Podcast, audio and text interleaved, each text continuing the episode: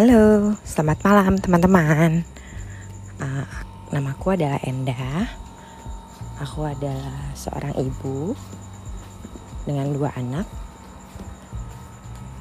Uh, di sini aku mau cerita tentang keseharian yang aku alamin aja, baik itu yang happy atau yang gak happy, atau mungkin uh, kadang-kadang uh, aku menceritakan tentang uh, hobiku yaitu uh, berkebun